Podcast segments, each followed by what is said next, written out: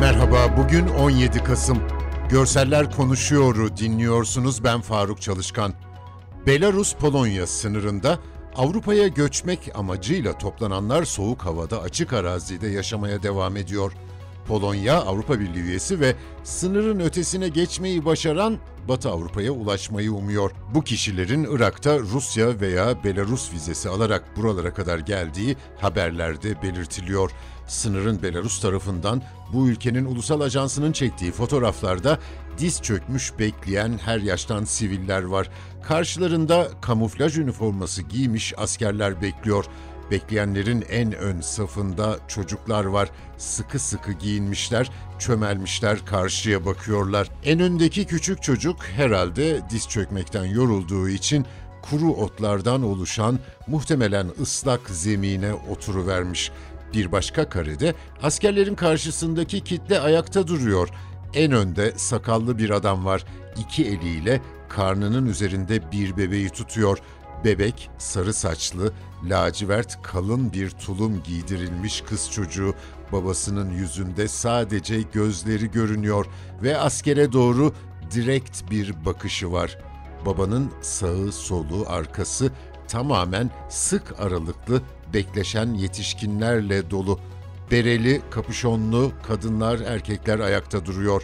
Sınırın Belarus tarafından çok sayıda fotoğraf geçilince düzensiz göçmenlerin nasıl bir ortamda beklediğini daha iyi anlıyoruz.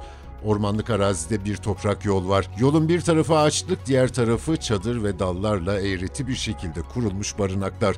Bazılarında tüten dumanlar var. Yolda yürüyen insanlar.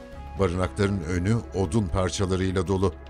Afganistan'a geçiyorum. Taliban'ın 15 Ağustos'ta başkent Kabil'e girerek ülke yönetimini devralması ve NATO güçlerinin ülkeden tamamen ayrılması ülke ekonomisini derinden etkiledi.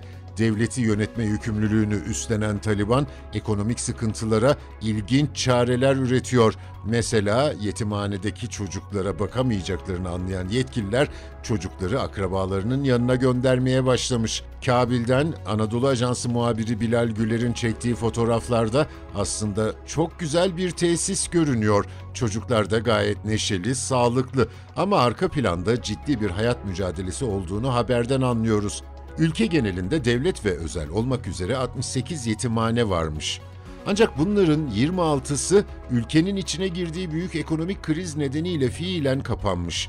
Maddi problemlerin çözülmemesi halinde bazı faal yetimhanelerin de kapatılması gündemde. Taliban öncesi yetimhanelerde 9319 çocuğun kaldığı ancak ekonomik kriz nedeniyle bunlardan 3566'sının yani 10 çocuktan 4'ünün akrabalarının evlerine gönderildiği öğrenilmiş. Gönderilmeyen çocukların çoğunun kendilerine bakacak kimsesi yok. Kimisinin ebeveynleri yok ya da onlara bakacak durumda değil. Ebeveynleri olup boşanan, anne ya da babası vefat eden, uyuşturucu bağımlısı olan ya da onlara bakmak istemeyenler de mevcut. Kimilerinin ise akrabaları var ancak çocukları istemiyor. Fotoğrafların birinde kısacık saçlarıyla 5-6 yaşlarındaki bir kız çocuğu loş ışıkta objektife bakıyor. Tişörtünün üzerinde askılı mavi beyaz elbisesi elinde yarım pide. Oğlan çocukları başka bir fotoğrafta ranzaların arasındaki halının üzerine oturmuşlar. Neşe içinde sohbet ediyorlar. Yemekhanede pilav yiyen çocuklar da var bir fotoğrafta. Bu haftalık bu kadar. Bizi hangi mecrada dinliyorsanız lütfen abone olmayı unutmayın. Hoşçakalın.